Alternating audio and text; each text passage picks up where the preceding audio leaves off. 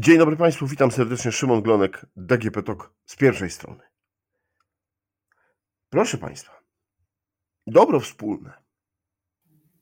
Hasło, które czasami słyszymy, najczęściej mówią je politycy, i wtedy czujemy gdzieś z tyłu pleców, że trochę jest wyświechtanym frazesem.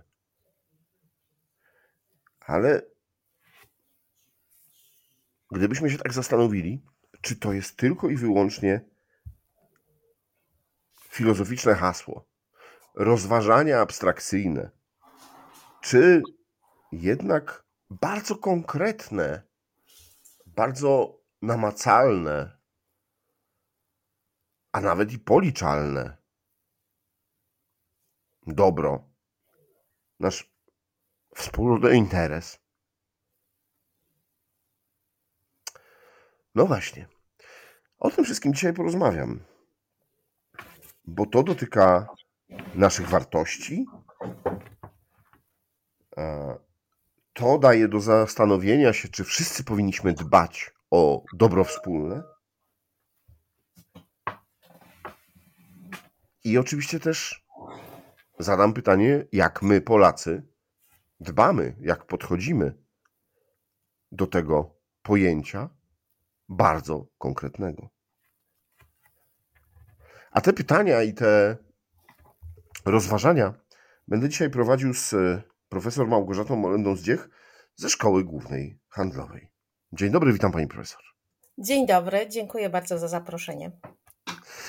Pani profesor, no właśnie, to jest abstrakt, to jest pojęcie, które jest zawłaszczone przez politykę, i trochę wyświechtane? Czy to jest konkret?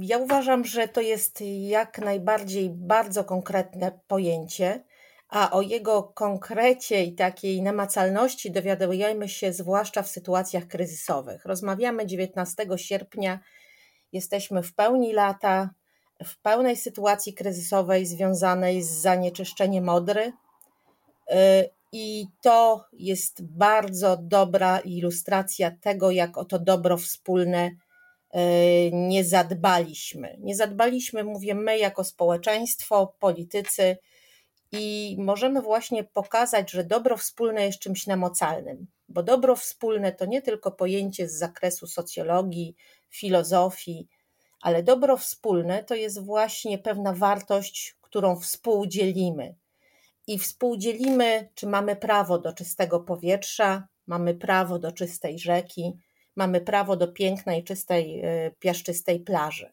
Tylko e, to, że mamy do niej prawo, to nie znaczy, że to będzie dane raz na zawsze i nie musimy o to dbać.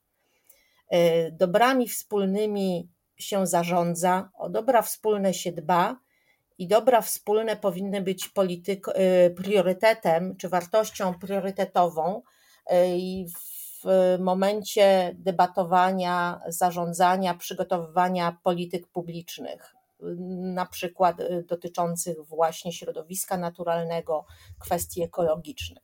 Czyli widzimy, że dobro wspólne może być czymś bardzo namacalnym.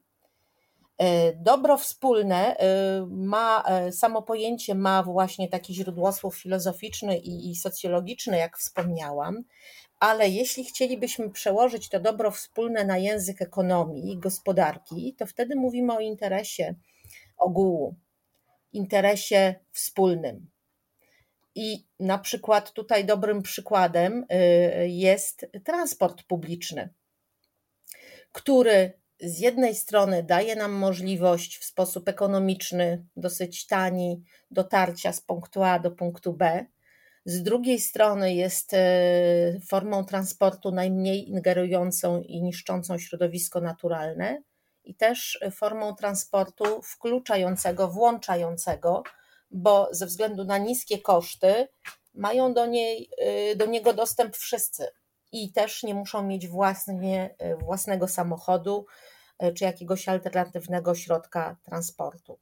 Także dobro wspólne y, można przełożyć na ten język ekonomii i jest wartością, o której powinniśmy mówić jak najbardziej, bo przypominamy sobie o nim w momentach sytuacji kryzysowych, na przykład dotyczących naszego środowiska naturalnego, z którym mamy do czynienia obecnie dzisiaj w Polsce.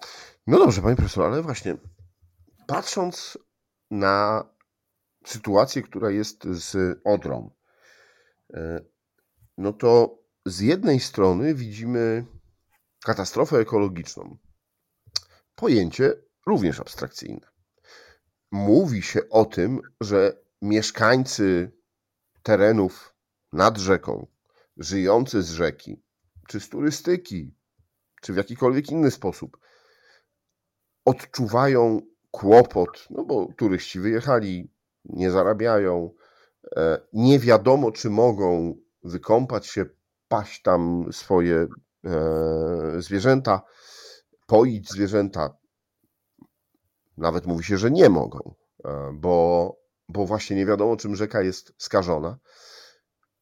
Ale z drugiej strony mieszkaniec Polski z Podlasia, który w życiu nie był, bo nie musiał, bo nie miał takiej potrzeby być nad Odrą, e, no to dla niego ta informacja może być tak samo istotna albo nieistotna, jak skażenie Loary, Tamizy. Kiedy to dobro wspólne powinno bardziej nas interesować. Powinno zwrócić uwagę mnie jako obywatela danego kraju, żebym się zatrzymał, zastanowił, zabrał głos, zareagował.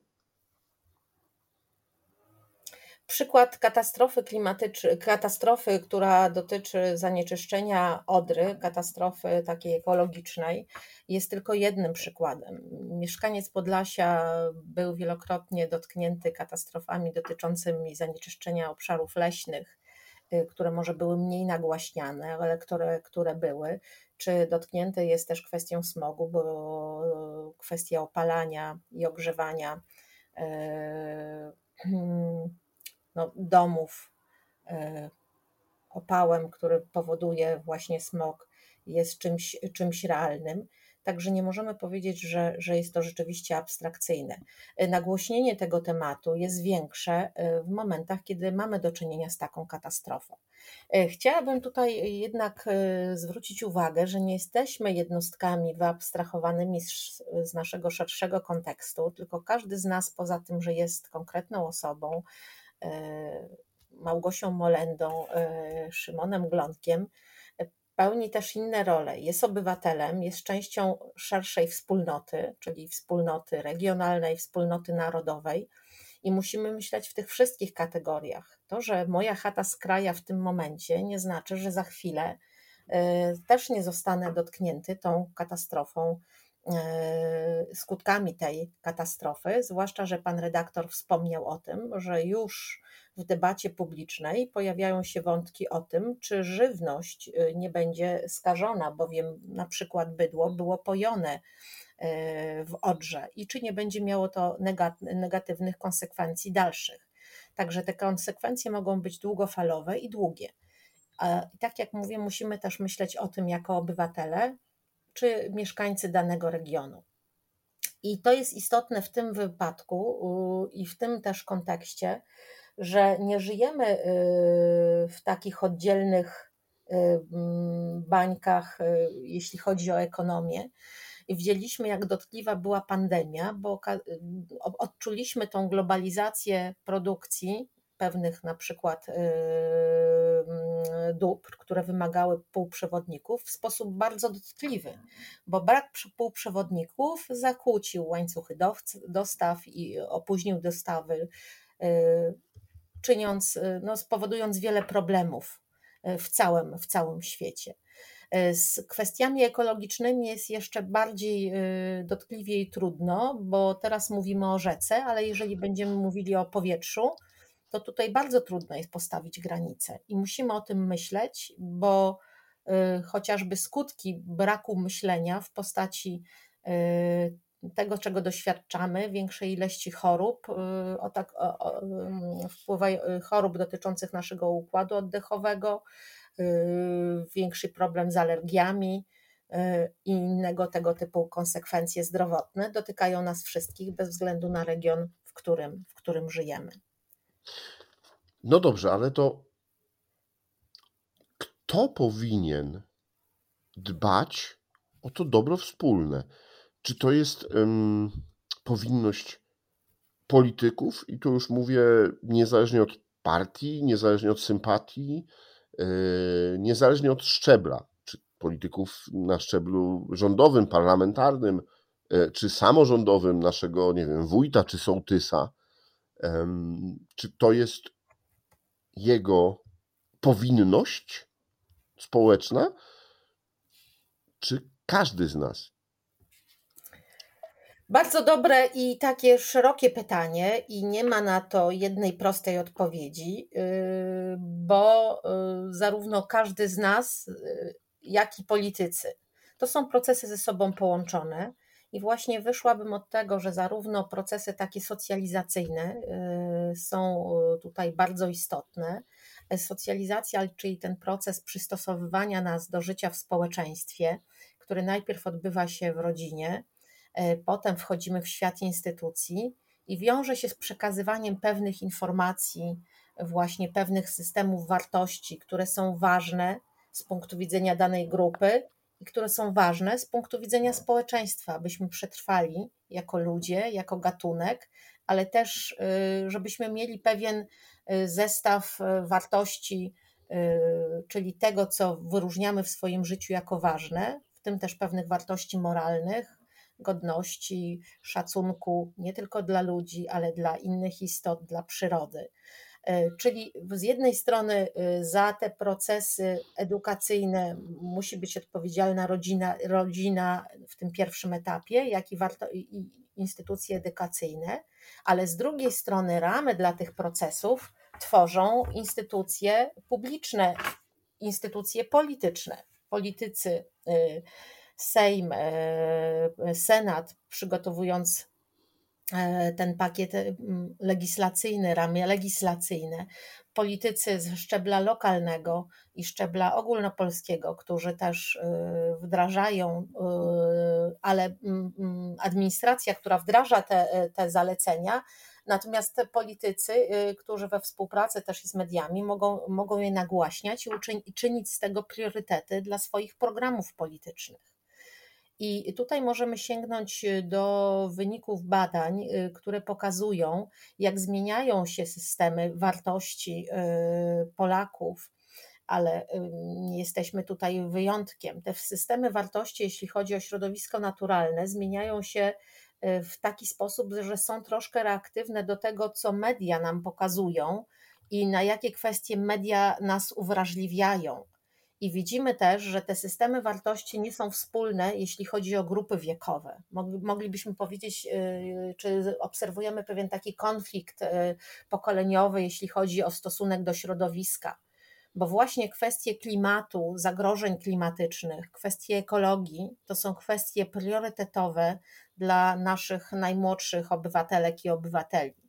To ludzie, y, nastolatkowie, czyli ci, którzy za chwilę będą głosować w wyborach po raz pierwszy, uważają, że to są najważniejsze kwestie, którymi powinniśmy, my jako obywatele i politycy, powinni się tym zająć.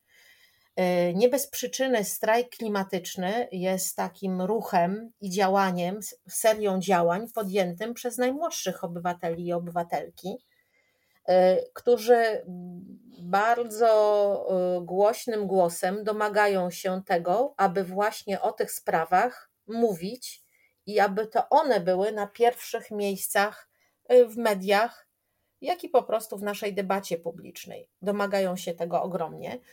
Jeśli chodzi o pokolenia starsze, bardziej dojrzałe, tam w tych wartościach dominują te klasyczne wartości: rodzina, praca, zdrowie I w zależności od wieku to jest zrozumiałe. Im jesteśmy starsi, tym zdrowie jest dla nas ważniejsze. Dla młodych ludzi jest to wartość y, osadzona na dalszych, na dalszych pozycjach. Dla tych starszych osób mm, środowisko y, jest czymś, co jest też i jego stan sytuuje się na dalszych, na dalszych pozycjach to widać właśnie, y, że y, tutaj musimy y, znaleźć umiejętność komunikowania tej problematyki, ale umiejętność komunikowania do odpowiednich grup i też powodowania, aby te grupy ze sobą rozmawiały. Bo... No dobrze, ale to mówi Pani o badaniach. To, to ja zapytam, czy ktoś bada, czy ktoś sprawdza, jak Polacy postrzegają to hasło, tą wartość, o której mówimy, czyli dobro wspólne,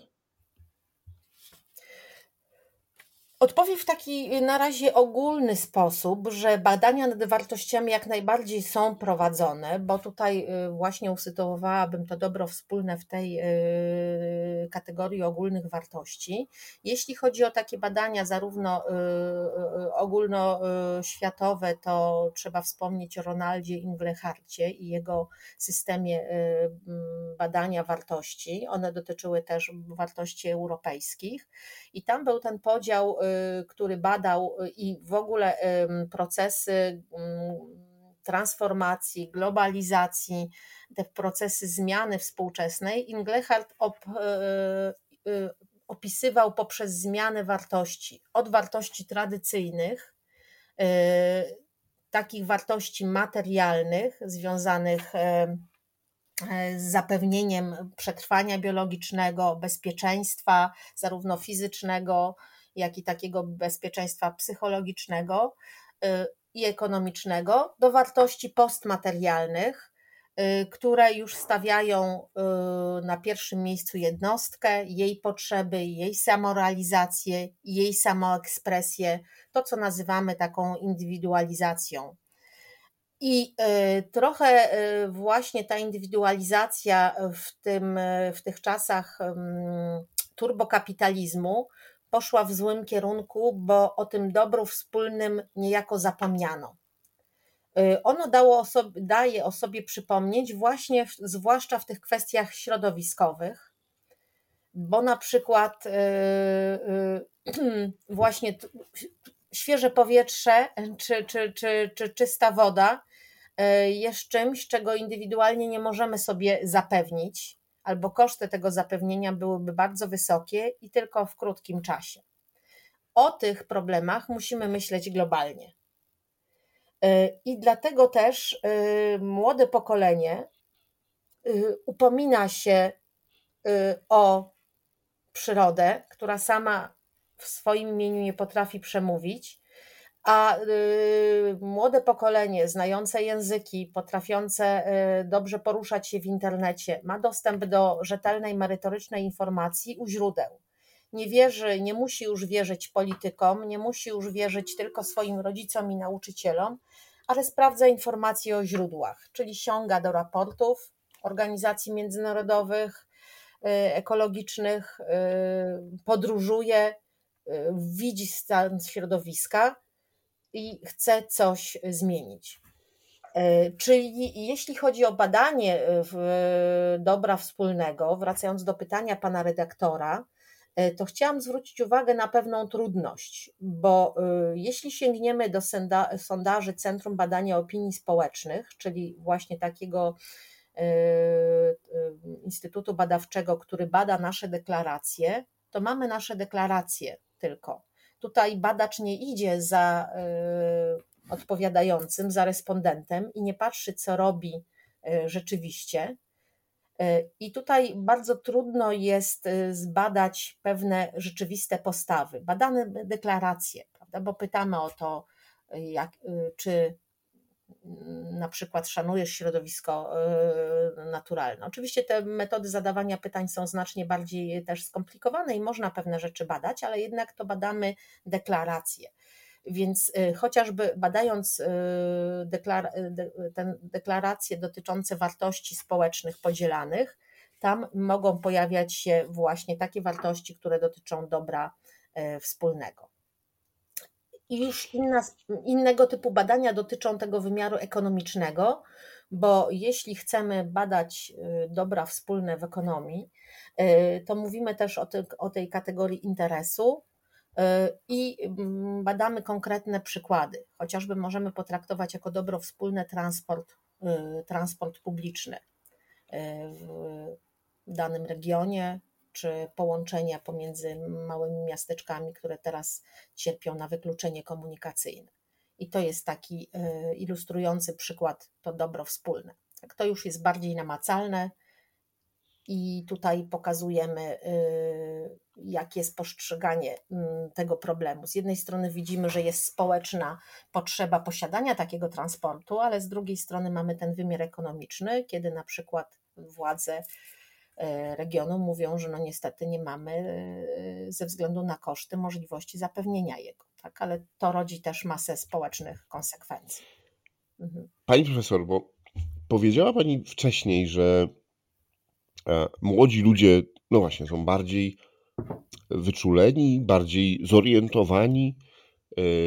Jeśli się ich pyta, bada, no to zwracają uwagę na kłopoty na zagadnienia związane z e, środowiskiem naturalnym, e, z, no właśnie, transportem publicznym, z takimi rzeczami, które są mm, w tych obszarach, o których mówimy, że to jest to dobro wspólne.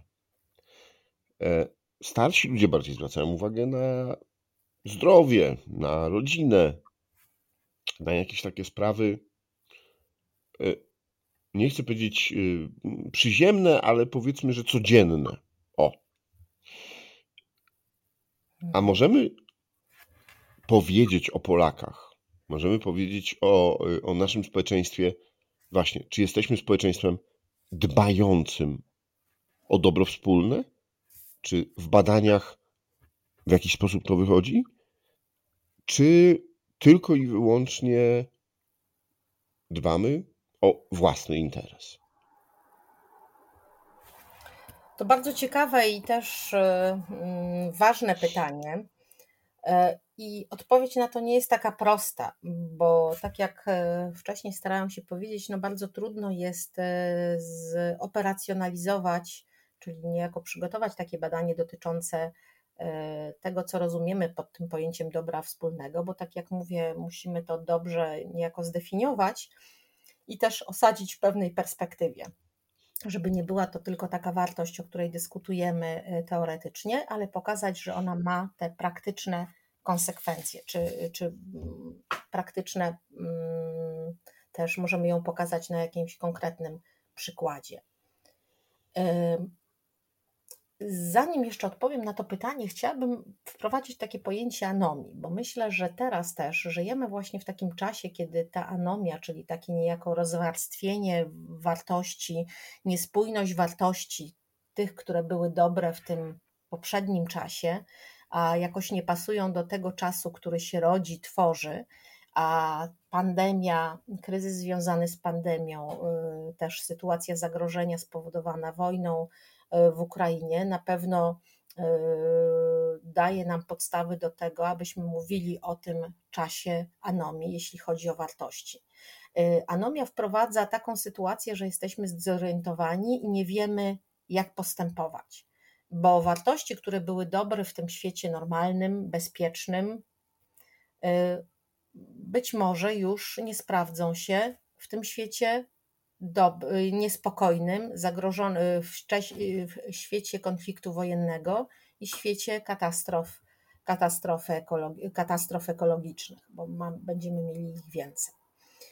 I y, warto y, właśnie y, zobaczyć, w czym Polacy upatrują źródeł tych zasad moralnych. Zasad moralnych, czyli wartości. I taki sondaż na przykład był robiony przez y, Centrum Badania też Opinii Społecznej. Do tego chciałam się odwołać, bo, bo mm, mamy do tego dostęp. Też słuchacze i słuchaczki mogą zajrzeć rzeczywiście, jak to wyglądało. Y, i badano źródła zasad moralnych, mm, czyli y, właśnie w czym respondenci, gdzie szukają tych zasad swoich wartości. I na pytanie to, czym jest dobro i zło, to czy, czy dobro i zło jest, y, powinno być wewnętrzną sprawą każdego człowieka, y, nasze opinie bardzo się zmieniają, bo pierwsze badanie, które robiono w 2005 roku na ten temat, mniej niż połowa respondentów uważała, że y, właśnie to jest sprawa każdego człowieka 46%. W 2021 roku y, badanie było robione w październiku, wyniki opublikowane y, w październiku 2021 roku, wyniki opublikowane w styczniu 2022 roku. Już 65%, czyli zdecydowanie więcej y, niż połowa, uważa, że to, czym jest dobro i zło, powinno być sprawą każdego człowieka. Czyli widzimy, taka następuje relatywizacja to jest e, bardzo niepokojące, e, bowiem, aby społeczeństwo współistniało, musimy mieć zgodę co do podstawowych wartości. Mm, I zobaczmy, taką podstawową wartością jest na przykład szacunek dla ludzkiego życia. No ale właśnie w momencie konfliktu wojennego ten szacunek dla ludzkiego życia jest przez agresora y, negowany, życie jest odbierane, ale zobaczmy też, y, to jest wyzwanie dla nas, obywateli, czy nawet obserwatorów tego konfliktu wojennego. Zbiórka y, na dron wzbudziła szereg reakcji. Od pozytywnych w większości, zbiórka na dron prowadzona przez redaktora Sierakowskiego, która wzbudziła duże zainteresowanie społeczne, duże wsparcie. Udało się zebrać na, te, e, na ten dron e, pieniądze, ale z drugiej strony postacie liderki opinii, takie jak pani Ochojska, kierująca Polską Akcją Humanitarną, czy filozofka profesor Środa, stwierdziły, że jak nie możemy podważać wartości ludzkiego życia, bowiem ten dron będzie służył do zabijania. Y, tutaj ta wartość została pod, pod, podważona. Nie ma tej wspólnej normy. W sytuacji zagrożenia i wojny jest to czymś yy, oczywistym. Y, co więcej, w tym badaniu dotyczącym źródeł zasad moralnych, respondenci też wypowiadali się, czy dobro i zło, czy o tym, co jest co dobrem, a co złem, powinno decydować społeczeństwo i też widzimy zmianę postaw, y, bo w 2005 roku 22% uważało, że to społeczeństwo niejako wypracowuje te wspólne normy. Teraz ta, ten odsetek spadł y, o 6 punktów procentowych i wynosi 16%. E, to, co jest ważne, to to, co obserwujemy. Y, dobro wspólne mm, może być też wpisywane w przekonania religijne, bowiem religie y, szanują, y, czy, czy mają ten kanon wspólnych wartości i szanują pewne wartości, które są dobrem wspólnym. I pytanie o to, czy dobro wspólne powinno być niejako opisywane przez prawo Boże, z takim twierdzeniem zgadzało się w 2005 roku 27% osób. I widzimy, e, że to, ta wartość uległa największej zmianie, bo teraz z tym twierdzeniem, że to prawo Boże decyduje o tym, co jest dobrem, a co złem, jest wybierane już tylko przez mniej niż połowę, bo 13% respondentów. E, czyli wydaje mi się, że te dane pokazują nam to, e, tę zmianę systemu wartości. Żyjemy w czasie, kiedy wydaje nam się, że sami sam możemy być e, właśnie tym, tą osobą, która ustala reguły, ale reguły ustalane indywidualnie w żaden sposób nie będą tworzyły nam społeczeństwa bo powodują, że dzielimy się na jeszcze większe podgrupy i mm, będziemy mieli wielką trudność, żeby współpracować, czy nawet komunikować się wspólnie. Pani profesor, tak e, słucham e, o tych danych i o mm, naszym podejściu. Tak zastanawiam się, w którym momencie, w którym miejscu, e, na jakim etapie życia powinniśmy jako społeczeństwo zadbać o to, żeby no właśnie te wartości dotyczące dobra wspólnego były wprowadzane do, do rozmowy, do debaty, żebyśmy mhm. sami się edukowali?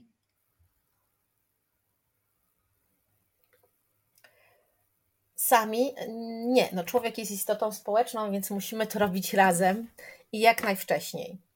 Y, te wartości wspólne, dobro wspólne, to jest kwestia też komunikowania, rozmowy o tym. I tak jak powiedziałam, powinno to być i to się dzieje y, już od najwcześniejszego momentu tego procesu socjalizacji pierwotnej w rodzinie. To nie znaczy, że y, musimy prawda, otwierać i robić lekcje rodziców i dzieci na temat wartości, ale jeśli przebywamy wspólnie, y, to dzieci obserwują rodziców, obserwują rodziców zachowania. Rozmawiamy w okresie wakacyjnym. Y, większość Polaków, jeśli wybiera wakacje, to jedzie gdzieś nad morze czy nad jeziora i dzieci obserwują, jak zachowują się rodzice, co robią ze śmieciami po zakończonym pikniku, w jaki sposób odnoszą się do przyrody, w jaki sposób e, zachowują się też do innych użytkowników tych miejsc, w których są. Przecież w czasie letnich, e, letniego wypoczynku też media obiegają straszne historie, ta sprzed kilku dni, kiedy to plażowicze nie pozwalali dotrzeć e, ekipie ratunkowej do młodego mężczyzny, który Mm, stracił przytomność. Y, I plażowicze odgradzający się parawanami y, mówili, że nie przesuną swojego parawanu, bo są na wakacjach, korzystają ze swojego urlopu.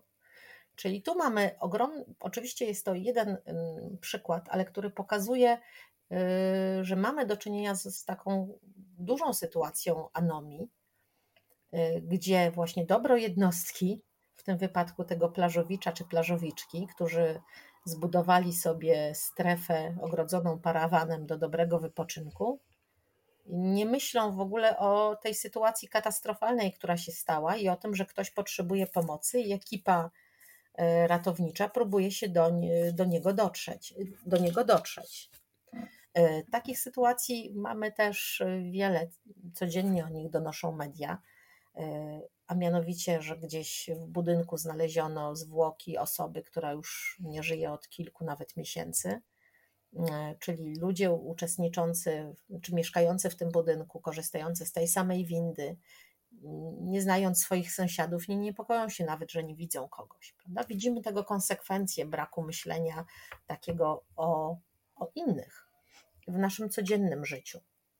I e, już w taki sposób bardziej ustrukturyzowane. Y, powinno być to, y, potrzeba jest edukacja w tym zakresie w naszej szkole, poczynając od y, edukacji przedszkolnej, edukacja do, do życia i do bycia w grupie. Zmieniła się nasza rodzina, mamy coraz więcej rodzin typu 2 plus 1, czyli już w rodzinie dzieci nie uczą się relacji pomiędzy sobą, dopiero jak wejdą w ten świat społeczny, a to jest czasem już za późno bo w rodzinie często y, buduje się w nich y, przekonanie o wyjątkowości y, i tak wzmacnia się te indywidualne tendencje. Natomiast szkoła to powinno być boisko do działań wspólnotowych, do działań w grupie. Bardzo mało w edukacji mamy w programach takich wymogów przygotowania prac, na przykład zbiorowych Ja widzę to z perspektywy też czasami działań i pracy ze studentami, kiedy oni nie są przygotowani do pracy w grupie i pracy w grupie rozumieją jako jakieś dodatkowe obciążenie albo ewentualnie y, formę do kreatywnego ściągania i szukania jednej osoby, która zrobi pracę, a wszyscy się podpiszą. No, jest oszczędność czasu dla piątki. Y, jedna osoba no, może się poświęcić, to jakaś taka transakcja. Nic bardziej mylnego, prawda? bo tutaj nie uczymy się korzystać z tej naszej mm, wiedzy, nie uczymy się też wykorzystywać tych najlepszych cech, które każdy z nas ma i może wnieść do pracy grupowej. Nie uczymy się też korzystać z takiej konstruktywnej krytyki, bo jeśli czasem wypowiemy coś głośno, to dzięki uwagom, jakie otrzymamy od grupy, możemy to poprawić. Każdy ma też inny punkt widzenia, i tak jak w takich puzzlach, dopiero całościowy obrazek złożymy, jeśli te puzzle ze sobą dobrze, dobrze poukładamy. I brakuje nam takiej y, właśnie edukacji do bycia obywatelem. Tak jak wcześniej wspominałam, każdy z nas w swoim życiu pełni wiele ról i na każdym etapie życia dochodzą nowe, ale w tym wymiarze politycznym, obywatelskim bardzo ważne są te nasze role i nasze kompetencje obywatelskie, których się nie nauczymy, jeśli nie będziemy ich właśnie pielęgnować. Takiej umiejętności myślenia o innych i też kształtowania takiej odpowiedzialności za innych, e, ale też za Pani stan, profesor, jakim żyjemy. To tak pozwolę sobie podsumować i trochę zapytać, czy to podsumowanie e, jest trafne. Mm, moim prywatnym interesem powinno być dbanie o dobro wspólne, bo wtedy będę lepiej żył. Tak jakościowo, jeśli chodzi o środowisko, o yy, takie rzeczy jak wspólny transport. No, o to wszystko, yy, o czym rozmawialiśmy. Bardzo dobra konkluzja, którą możemy jeszcze też zilustrować e, wynikami badań dotyczących e, właśnie tych państw, w których żyje się najlepiej. I to są te państwa przede wszystkim skandynawskie, gdzie poza tym dbaniem o dobre wspólne widzimy, że jest też wysoki wskaźnik zaufania społecznego i to na takich dwóch wymiarach. Zarówno takiego zaufania uogólnionego, czyli kiedy mówimy, że ogólnie sądzę, że ludziom należy ufać i taki odsetek przeważa w społeczeństwie i zaufania do instytucji, zarówno politycznych, e, gospodarczych, ale wiemy, że instytucje rozwiązują pewne problemy, czy, które na przykład, e, e, na które mogą wskazywać obywatele, więc muszę im ufać, bo dzięki temu te problemy, o których mówię, o których mówi moja grupa, w której żyję, moje środowisko, mają szansę być rozwiązane, być y, nazwane, zdefiniowane, y, włączone do polityk publicznych i rozwiązane. Proszę Państwa, w swoim najważniejszym interesie dbajmy o dobro wspólne, bo wtedy będzie nam się żyło lepiej. A o tym wszystkim rozmawiałem z panią profesor Małgorzatą Molendą-Zdziech ze Szkoły Głównej Handlowej. To był podcast DGP Talk z pierwszej strony. Rozmawiał Szymon Glonek. Dziękuję pani profesor bardzo. Dziękuję bardzo. Dobrego dnia.